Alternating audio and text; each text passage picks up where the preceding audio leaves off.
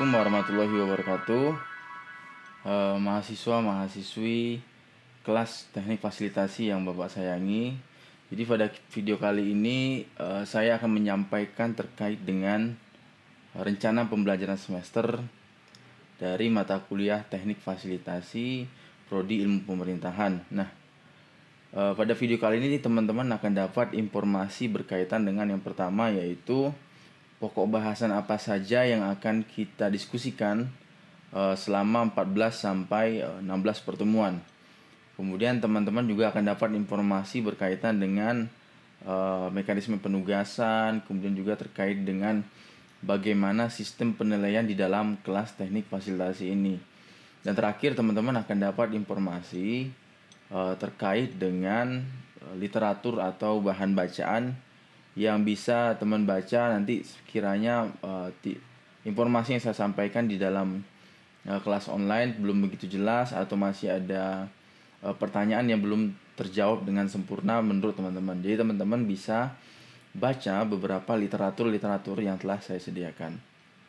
Nah, sebelum videonya kita mulai, jangan lupa untuk uh, tekan tombol subscribe dan juga lonceng notifikasi serta jangan lupa untuk share video ini ke teman-teman kelas uh, teknik fasilitasi lainnya supaya tidak ada uh, teman-teman yang tertinggal. Jadi semuanya dapat informasi dengan jelas dan clear sehingga kita bisa belajar dengan kondusif secara online gitu. Baik, mari kita mulai video berikut ini. Baik, assalamualaikum warahmatullahi wabarakatuh teman-teman peserta kelas teknik fasilitasi program studi ilmu pemerintahan yang uh, saya banggakan. Jadi pada video kali ini, video yang pertama saya akan menyampaikan terkait dengan pengantar mata kuliah teknik uh, fasilitasi.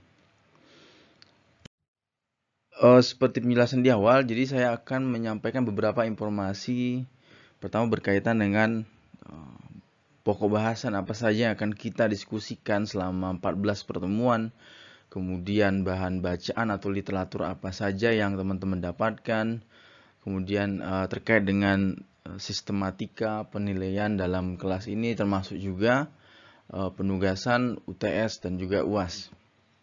Oke, nah pertama deskripsi mata kuliah bahwa kelas teknik fasilitasi yaitu Eh, bercerita atau mencoba untuk mengajak teman-teman berdiskusi bersama berkaitan dengan eh, konsep-konsep pemberdayaan masyarakat dan juga eh, fasilitasi karena kita ketahui bersama bahwa fasilitasi dan pemberdayaan masyarakat ini ibarat dua buah koin yang mereka itu punya punya kepentingan yang sama, punya fungsi yang sama gitu loh. Jadi tidak mungkin kita melakukan yang namanya uh, proses pemberdayaan masyarakat tanpa dilakukan eh, praktik-praktik fasilitasi. Kemudian pra biasanya praktik-praktik fasilitasi tersebut salah satu ujungnya atau salah satu hilirnya adalah pemberdayaan masyarakat itu sendiri. Nah, pada mata kuliah ini saya akan menjelaskan terkait dengan dasar-dasar kemudian juga definisi konseptual, serta implementasi dari teknik fasilitasi itu sendiri. Dari pertemuan awal, pertemuan pertama sampai ke-14, eh, kemungkinan besar eh, kita tidak akan melenceng jauh dari eh, RPS gitu ya. Dan harapannya kita akan belajar bersama pertama terkait dengan POD atau pendidikan orang dewasa atau kemudian juga ada yang menyebutnya dengan pembelajaran orang dewasa. Kemudian kita akan uh, belajar tentang diskursus pemberdayaan masyarakat. Nah, mengapa dua hal ini perlu saya sampaikan? Uh, eh, POD pertama POD bahwa kita akan belajar tentang bagaimana kita menyikapi atau memfasilitasi atau mendampingi atau kemudian memoderatori sebuah pembelajaran, sebuah forum, sebuah aktivitas yang mana di dalamnya adalah terdiri dari mayoritas orang-orang dewasa. Bukan anak-anak. Jadi kita tidak mengajar anak-anak di sini ya. Kita tidak memfasilitasi anak-anak ataupun remaja. Tapi dalam konteks pemberdayaan masyarakat ini, uh, kita akan memfasilitasi yang namanya uh, orang dewasa. Nah, di sini diperlukan treatment khusus, tidak seperti kita uh, mengajar atau mendidik anak-anak ataupun remaja. Ketika kita mendidik uh, orang dewasa atau memfasilitasi orang dewasa, kita butuh treatment khusus, kita butuh penyesuaian, kita tidak bisa sepenuhnya mendikte, kita juga harus ada yang namanya itu menghargai dan ada beberapa ada berbagai macam hal-hal yang harus kita pertimbangkan nanti akan saya sampaikan di video pertama terkait dengan pembelajaran orang dewasa atau pendidikan orang dewasa. Nah, kemudian juga berkaitan dengan mengapa saya perlu menyampaikan uh, pokok bahasan dari diskursus pemberdayaan masyarakat karena seperti penjelasan saya di awal tadi bahwa uh, proses pemberdayaan masyarakat itu tidak pernah lepas dari yang namanya praktik-praktik teknik fasilitasi. Nah, kemudian saya akan menyampaikan mengapa uh, pemberdayaan masyarakat tersebut dilakukan karena ada namanya pergeseran atau perubahan paradigma gitu paradigma yang dulu itu uh, dikenal dengan istilah pertumbuhan ekonomi kemudian digeser menjadi uh, pembangunan begitulah. Nah, mengapa hal tersebut dilakukan? Karena ada ke semacam apa? Semacam kegagalan seperti itulah di dalam paradigma pertumbuhan ekonomi di mana uh, paradigma tersebut tidak memanusiakan manusia. Jadi kesenjangan semakin tinggi, kemudian jurang antara si kaya dan si miskin itu menjadi semakin lebar. Makanya muncul kemudian yang namanya istilah paradigma uh, pembangunan dalam Salah satunya yaitu pembangunan masyarakat karena harapannya adalah masyarakat itu dijadikan sebagai apa subjek gitulah, bukan objek dari uh, pertumbuhan tadi. Dan dan lebih detail nanti akan saya jelaskan dalam video presentasi khusus berkaitan dengan diskursus dari pemberdayaan masyarakat. Kemudian saya juga akan menjelaskan terkait uh, definisi konseptual fasilitasi dan juga fasilitator. Jadi apa itu fasilitasi, kemudian apakah ada uh, hubungannya dengan pendampingan, apakah ada keterkaitannya dengan uh, pen, ya pendampingan, fasilitasi atau mekanisme-mekanisme forum-forum lainnya gitu. Kemudian saya juga akan menjelaskan uh, bagaimana seorang apa itu fasilitator, kemudian uh, bagaimana ciri-ciri seorang fasilitator yang baik dan uh, ya berbagai macam hal-hal lainnya. Selanjutnya, selanjutnya saya akan menyampaikan uh, berkaitan dengan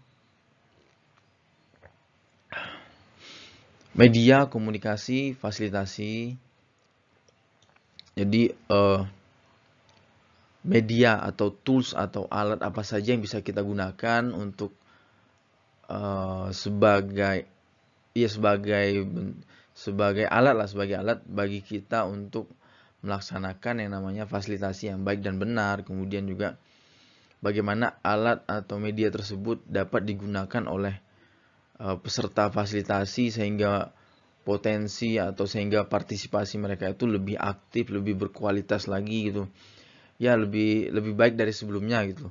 Karena memang dalam pembang, uh, pembangunan masyarakat ini salah satu aspek yang ditonjolkan adalah terkait uh, berkaitan dengan partisipasi masyarakat itu sendiri. Makanya diperlukan yang namanya fasilitasi dalam forum-forum di di dalam masyarakat di tengah-tengah masyarakat. Kemudian kita juga akan belajar tentang metode fasilitasi hanya dua yang akan saya sampaikan. Yang pertama yaitu teknik parti, teknologi partisipasi dan juga uh, participation rural appraisal.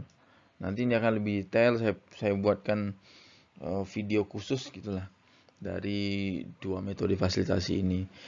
Dan terakhir, kita akan belajar tentang teknik-teknik fasilitasi. Lebih spesifik bagaimana seorang uh, fasilitator ketika forum dilaksanakan atau bagaimana dia merencanakan sebuah forum, uh, siapa saja yang sebaiknya diundang, kemudian uh, alat apa saja yang digunakan, kemudian bagaimana cara seorang fasilitator uh, menjadi penengah, tidak tidak mendikte, tidak mendoktrin seperti itu. Nah, di sini akan kita pelajari lebih detail ya, langsung ke teknik-teknik yang sangat aplikatif di lapangan gitu. kita lanjut ke slide berikutnya. Nah, tujuan dan kompetensi dari mata kuliah adalah mata kuliah ini bertujuan untuk memberikan yang jelas yaitu pemahaman dan juga keterampilan kepada mahasiswa tentang metode dan teknik fasilitasi dalam suatu forum. Agar forum tersebut berlangsung secara partisipatif, ingat yang saya sebutkan di awal, eh, kunci dari proses pembangunan masyarakat adalah partisipasi masyarakat itu sendiri kita lanjut dan dan menghasilkan keputusan-keputusan yang produktif dan dapat diimplementasikan. Jangan sampai ketika forum dilaksanakan hanya jadi semacam uh, media media tempat melempar ide, melempar gagasan, tidak ada tidak ada indikator yang terukur uh, atau step by step apa saja langkah-langkah selanjutnya yang bisa dilakukan oleh masyarakat itu kan akan menjadi semacam uh, forum yang sia-sia. Nah, makanya harapannya dengan mata kuliah ini teman-teman diberikan ya bekal lah, diberikan bekal atau diberikan uh, kemampuan untuk uh, melakukan atau mengorganisir sebuah forum sehingga partisipasi masyarakat itu berkualitas dan juga forum tersebut berjalan dengan kondusif dan menghasilkan uh, tindakan-tindakan yang bisa dilakukan di kemudian hari begitu. Nah ini capaian pembelajaran Brody harapannya adalah setelah mengambil mata kuliah ini mahasiswa memiliki pemahaman dan pengertian tentang ilmu metode dan teknik fasilitasi pada pengorganisasian masyarakat. Kemudian juga mahasiswa mampu merencanakan program pemberdayaan masyarakat dengan penggunaan teknik dan strategi lah, strategi dan teknik-teknik fasilitasi. Nanti ini akan berkaitan CPL atau capaian pembelajaran prodi yang uh, kedua ini akan berkaitan langsung dengan uh, tugas akhir dari mata kuliah ini gitu ya. Yaitu teman-teman diharapkan nanti membuat semacam TOR pelaksanaan forum fasilitasi. Oke, nah metode pembelajaran yang kita gunakan seperti anjuran pemerintah kita masih menggunakan metode daring atau uh, kuliah jarak jauh tidak tatap muka. Pertemuannya sekitar 14 sampai 16 pertemuan termasuk UTS dan UAS. Jadi teman-teman punya kita punya kesempatan sekitar 14 kali pertemuan untuk berdiskusi, untuk uh, untuk ya itu untuk saling uh, brainstorming lah, curah gagasan berkaitan dengan teknik fasilitasi. Kemudian apa saja tugas-tugas yang harus teman-teman lakukan? Yang pertama jelas uh, mengisi kuis. Kuis ini nanti akan saya sampaikan secara random, secara acak, entah itu di pertemuan ke satu pertama, atau itu di pertemuan ketiga, atau mungkin justru bahkan di pertemuan terakhir gitu. Kemudian ada yang namanya tugas mata kuliah, yaitu tadi teman-teman nanti diminta membuat semacam tor pelaksanaan uh, forum fasilitasi di tengah-tengah masyarakat. Selanjutnya ada ya UTS dan juga UAS. Nah, kemudian bagaimana sistem penilaian dari mata kuliah kewirausahaan sosial.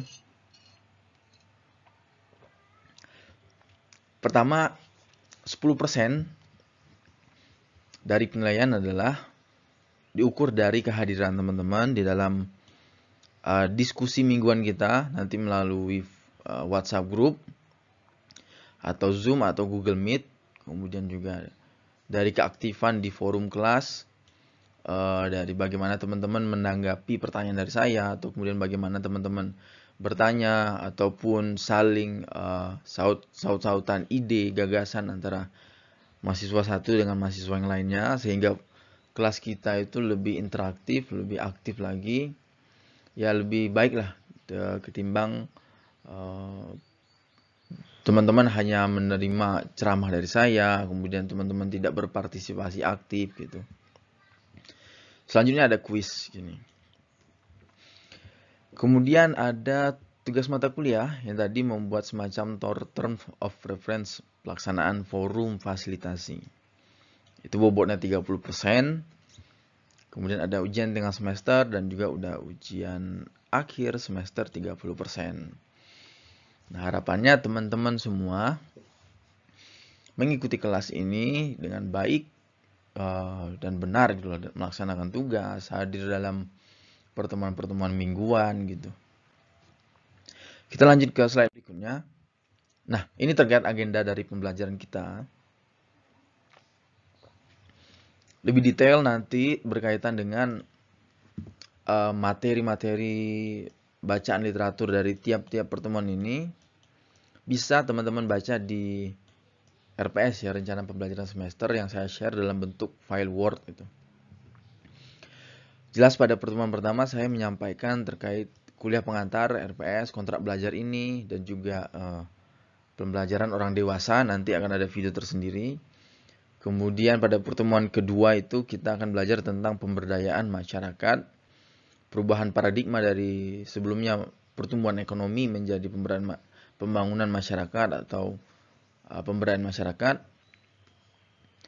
Kemudian di pertemuan ketiga dan keempat kita akan belajar tentang fasilitasi dan fasilitator.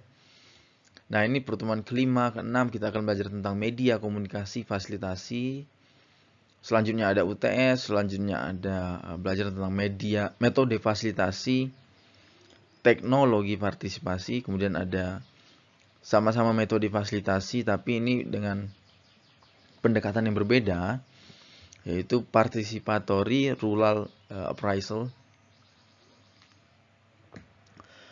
Uh, ke-12 nanti di pertemuan ke-12 kita akan belajar tentang teknik-teknik fasilitasi dan saya berikan teman-teman kesempatan 2 sampai 3 pertemuan di pertemuan 13, 14, 15 ini untuk mengerjakan tugas mata kuliah eh, tugas akhir dari mata kuliah teknik fasilitasi ini sehingga teman-teman punya waktu kesempatan untuk membuat tor dan nanti di pertemuan terakhir saya minta uh, secara acak akan saya minta untuk melakukan presentasi uh, di kelas gitu di kelas online kita, oke. Okay?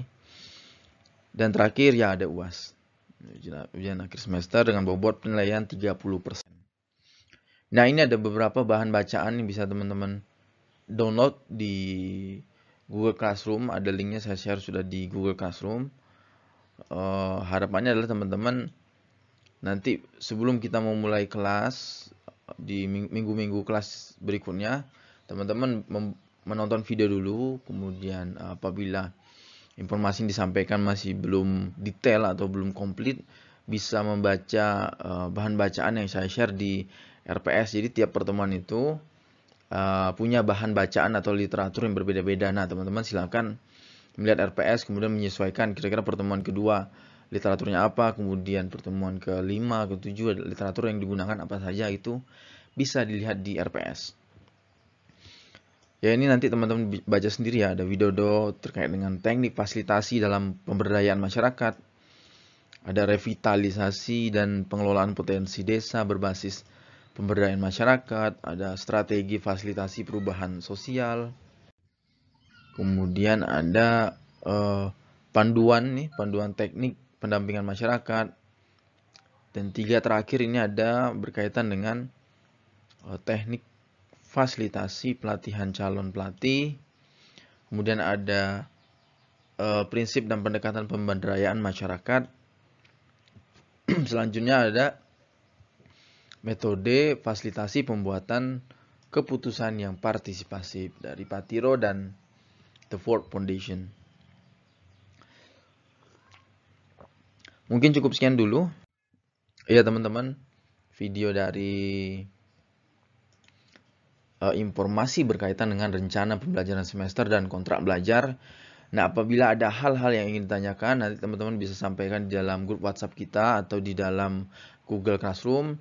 Sekiranya ada, um, Pak, saya merasa keberatan dengan uh, tugas akhir membuat tor gitu, atau teman-teman merasa ah tugasnya terlalu mudah dan butuh challenge, butuh tantangan yang lebih sulit, ya nanti kita diskusikan bersama di dalam WhatsApp group, oke? Okay?